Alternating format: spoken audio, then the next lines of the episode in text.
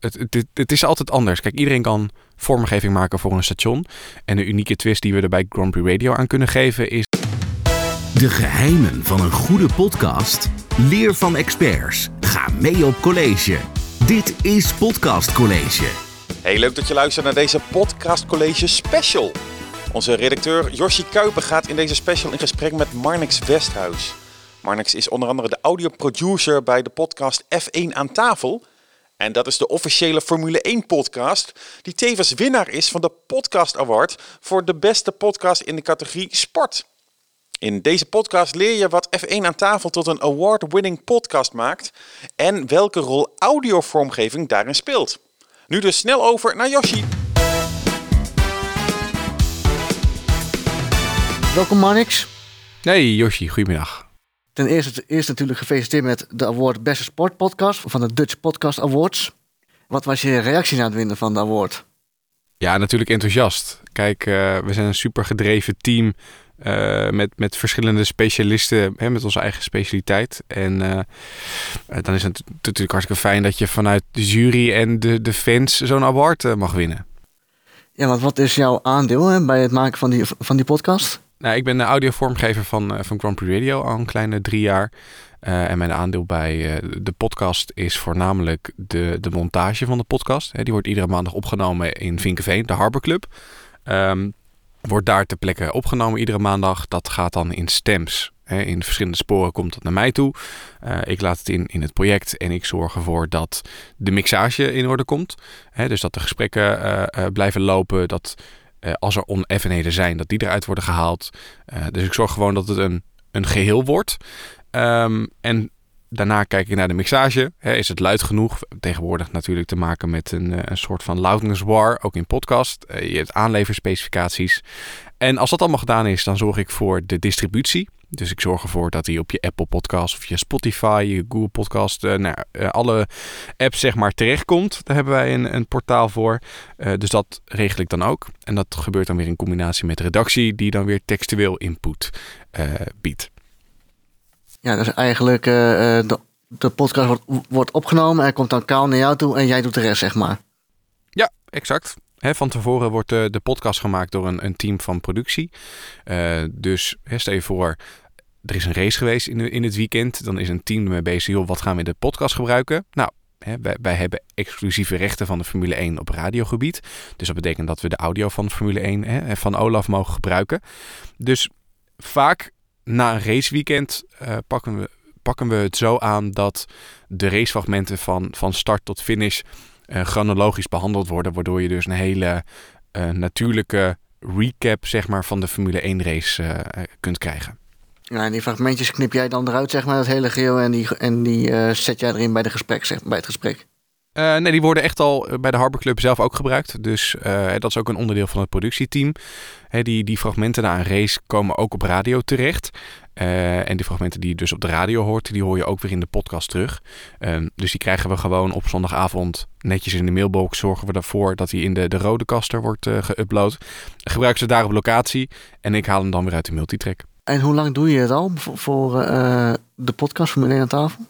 Um, ik denk nu ruim twee jaar iedere maandagavond. De montage, zeg maar. En hoe ben je daar zo ingerold? Um, ik was student uh, sounddesign in Leeuwarden. En uh, via daar kennen wij elkaar ook vanuit uh, Leeuwarden. Um, en ik was sounddesign student daar dus. En ik was op dat moment stagiaire bij de Rocketeers. En um, toen moest ik een afstudeerstage kiezen. Toen heb ik dat uiteindelijk gedaan bij uh, YPCA, de radiofabriek. En toen was ik onderdeel van het project Stack. Nou, lang verhaal kort. Um, ik wilde meer met mijn audiovormgeving uh, gaan doen. En ik luisterde ergens tussen kerst en oud en nieuw naar een podcast. Formule 1 aan tafel van Olaf Mol. Ik denk, oh hey, dat is leuk. En in een van die episodes zat de toen um, nog audiovormgever van Grand Prix Radio, Frederik Middelhof. En ja, die, zei, ja, ik ben audiovormgever Grand Prix. Toen heb ik hem gewoon een DM gestuurd op Twitter van... hey joh, ik hoorde je in de podcast en uh, leuke zender. En uh, joh, kunnen we misschien een keertje overleggen um, voor vormgevingsdingetjes voor Grand Prix? Um, ik ben audiovormgever en ik ben een Formule 1 freak. Ik denk, joh, dat vind ik leuk. En toen zaten we eigenlijk dezelfde avond nog ergens in Hilversum... Uh, in een restaurant zaten we gezamenlijk te babbelen en te doen. En um, toen ben ik begonnen als, als vormgever van, van Grand Prix Radio. En wat maakt het werk zo leuk voor Grand Prix Radio? Ja, het is gevarieerd. Um, dat, dat is hetzelfde als, als sowieso um, journalistiek uh, beoefenen, om het zo te zeggen. Elke dag is het anders en zo is het ook met Formule 1. Dus het, het, het, is altijd anders. Kijk, iedereen kan vormgeving maken voor een station. En de unieke twist die we er bij Grand Prix Radio aan kunnen geven, is dat het autosport gerelateerd is. Dus je kan uh, spelen met boordradio's over intro's heen. We kunnen de, de interviews van bijvoorbeeld Jack en Max kunnen we uh, op de zender terug laten komen. Dus dat zijn allemaal leuke unique selling points, wat het toch weer leuker maakt dan reguliere hitradio. Ja, toen jij begon was er al een vaste stijl daarvoor of heb je jezelf ontwikkeld? En nee, dat was zeker eerst een vaste stijl. Hè. Uh, Frederik Middelhof uh, was dus op dat moment de vaste vormgever. En die had een, een, pakket ontwikkeld met Maurice Verschuren. En dat was de stijl van Grand Prix op dat moment. En natuurlijk heb ik daar eerst mijn, um, mijn eigen stijl een beetje op aangepast. Want je kan niet zomaar als nieuwe vormgever het station opeens omgooien, al wil je dat wel. Um, maar dat is een beetje geleidelijk gebeurd. Op, op dit moment draait op de zender uh, meer van mijn, mijn stijl, zeg maar. Uh, dan dat het toen deed. Maar dat, ja, dat, dat, dat gebeurt gewoon natuurlijk, uh, als je aan mij vraagt. En die stijl hè, die op de, op de zender klinkt, klinkt die ook terug in de podcast? Ja, we proberen als, als Grand Prix Radio zijn het merk natuurlijk overal gelijk uh, terug te laten komen. Dus de herkenbaarheid. Um, dus die, die terugkomende onderdelen zijn de, de wat um, de wat commerciëlere sound, hè, zeker ook in de podcast. Hè, de, onze podcast klinkt ook vaak meer als radio dan als een podcast. En dat was ook een van de jurypunten uh, uit het juryrapport van uh, de BNR Podcast Awards. Dat het soms nog te veel als format klinkt, terwijl wij die uh, podcast juist een beetje als radio benaderen. Ja, ja precies. Is, is dat ook een succes van de podcast, denk je? Ja, onder andere. Kijk, we, we hebben het, het, het genoegen om natuurlijk met Olaf te werken. Hè, Olaf is, is oprichter van Grand Prix Radio naast uh, Alexander Stevens. En um, dat helpt natuurlijk wel bij. Als je, als je ziet dat de Olaf Mol, hè, de stem van Formule 1 uh, in Nederland, aan tafel zit. Of bij de podcast hoort, dat mensen automatisch denken: Oh, nou als Olaf er zit, dan moet het wel in orde zijn. Hè, er zijn tegenwoordig gewoon heel veel Formule 1 podcasts. En ik denk het grootste verschil is dat wij bij F1 aan tafel, Formule 1 aan tafel, dat we daar een, een gevarieerd palet aan, aan specialisten en kennis uh, aan tafel hebben. Hè. Mattie Valk als vaste host. Uh, Frans Verschuur, oud-teambaas Jos Verstappen, uh, heeft Le Mans met Verstappen gewonnen.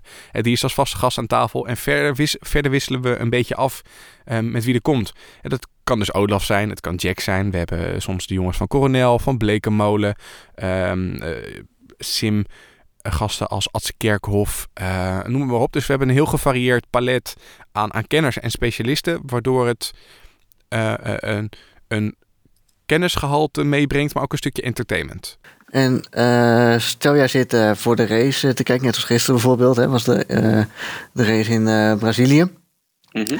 En je hoort al die boordradio, zit je dan nog gelijk te bedenken van, oh, dit kan ik gebruiken? Ja, absoluut. ja, kijk, um, sinds dat we die, die, die officiële rechten hebben van, uh, van Formule 1, ga je toch automatisch al iets kritischer kijken naar de content. Want je moet denken, joh, hoe, hoe kunnen wij dit gaan inzetten waardoor we een, een meerwaarde creëren van die, die rechten? Dat is natuurlijk een van de voordelen ook. Wij zijn de enige podcast die officieel de fragmenten van de race terug mogen laten komen in de podcast. En dat geeft toch weer een stukje uh, extra ervaring in mijn optiek.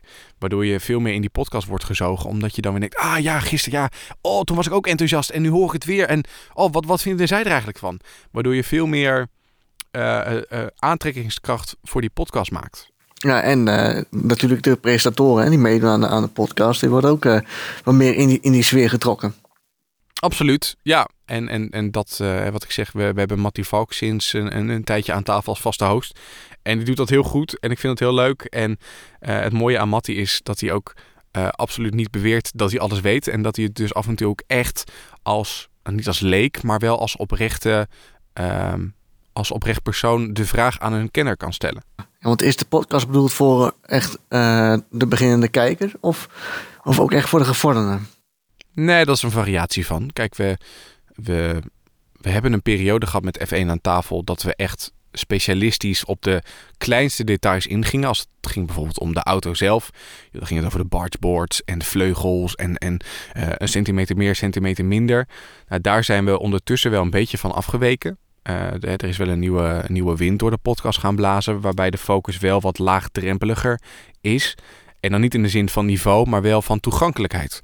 Um, uiteindelijk is het belangrijk dat je een, een, podcast super toegankelijk maakt, waardoor mensen er ook makkelijk in en uit kunnen rollen.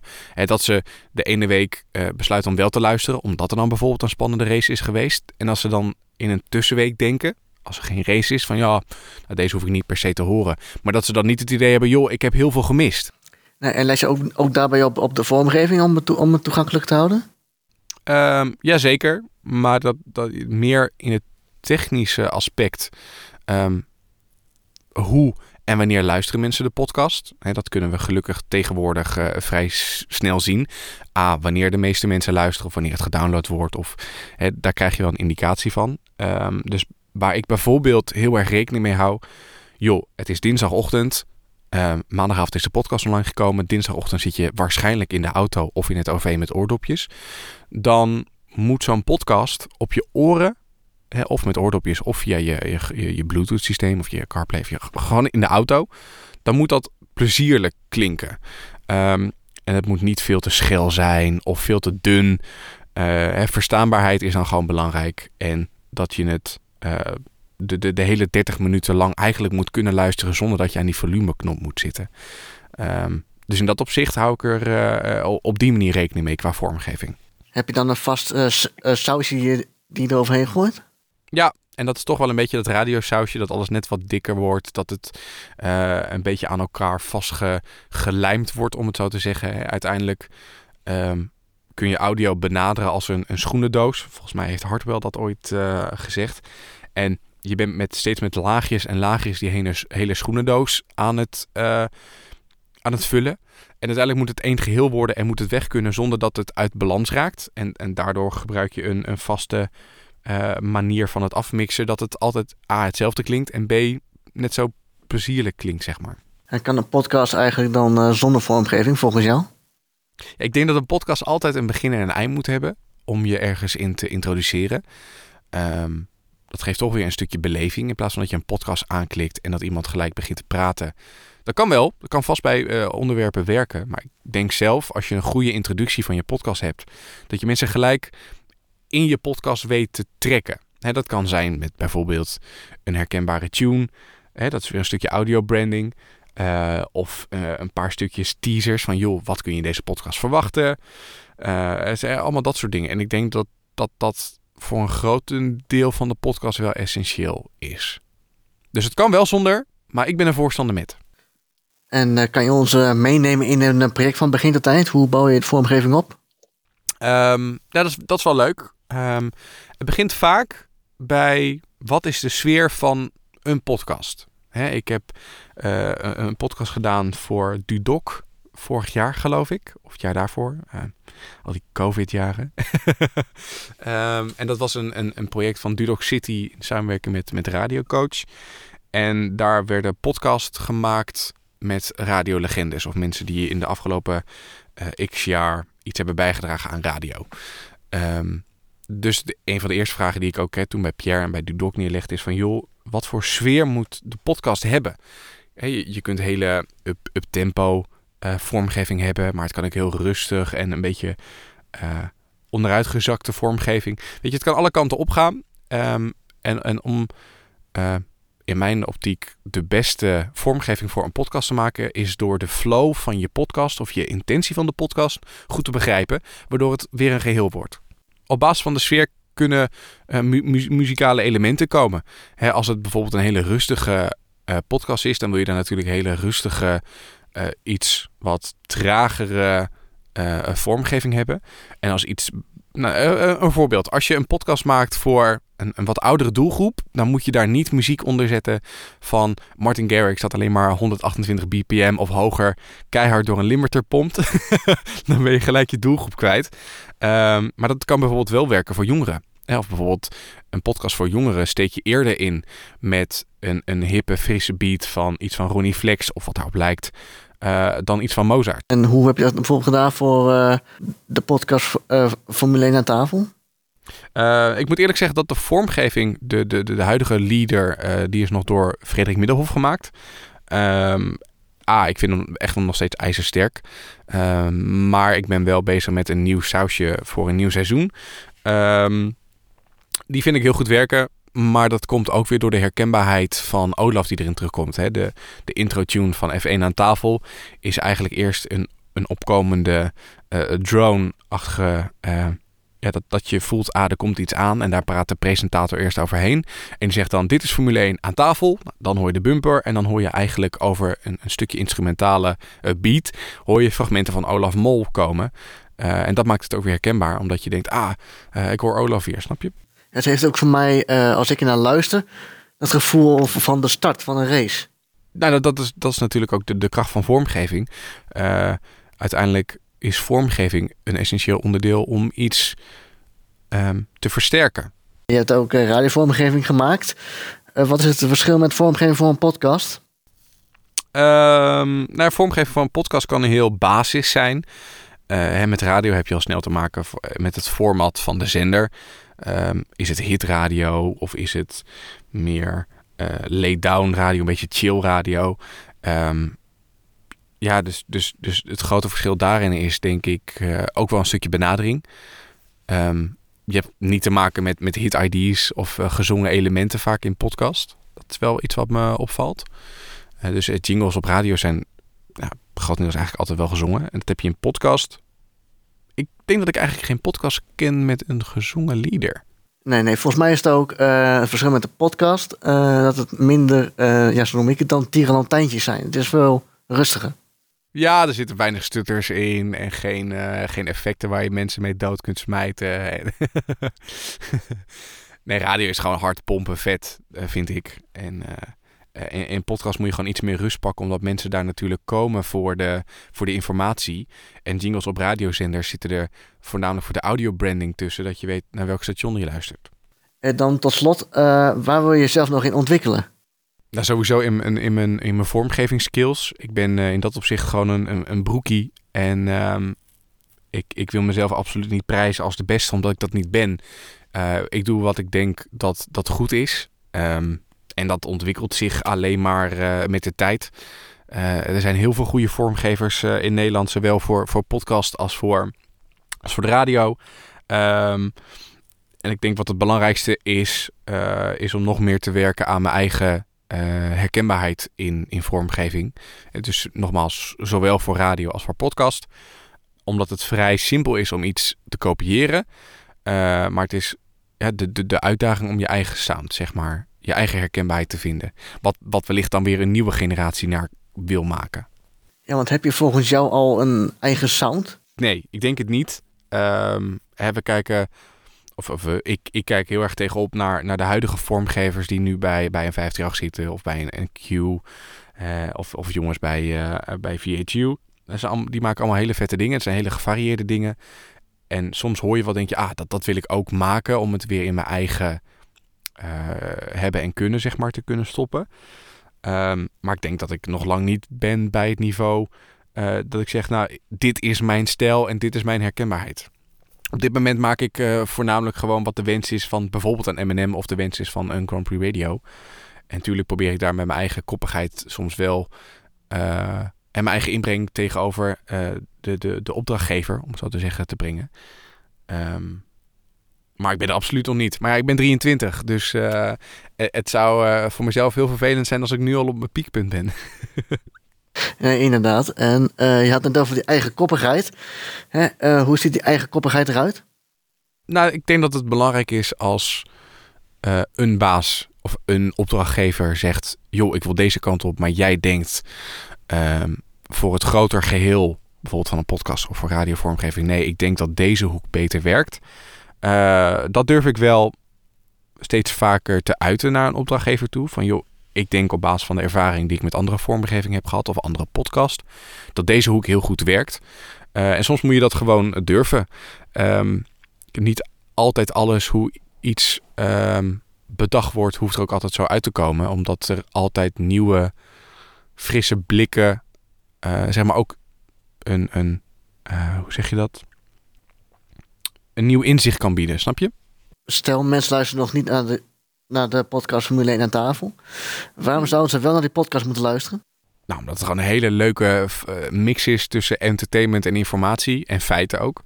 we hebben een kritische Frans Verschuur die overal wel tegenaan wil trappen en overal als advocaat van de duivel wel uh, zijn vragen durft te stellen. Dus het is niet alleen maar ja knikken en, en door. Uh, dus dat is wel heel leuk. Hè, Frans levert heel vaak wel uh, controversiële momenten op. En dat, dat siert hem, dat is goed. Hij heeft geen blad voor de mond. en dat in mix met, met Matty. dat werkt gewoon heel goed.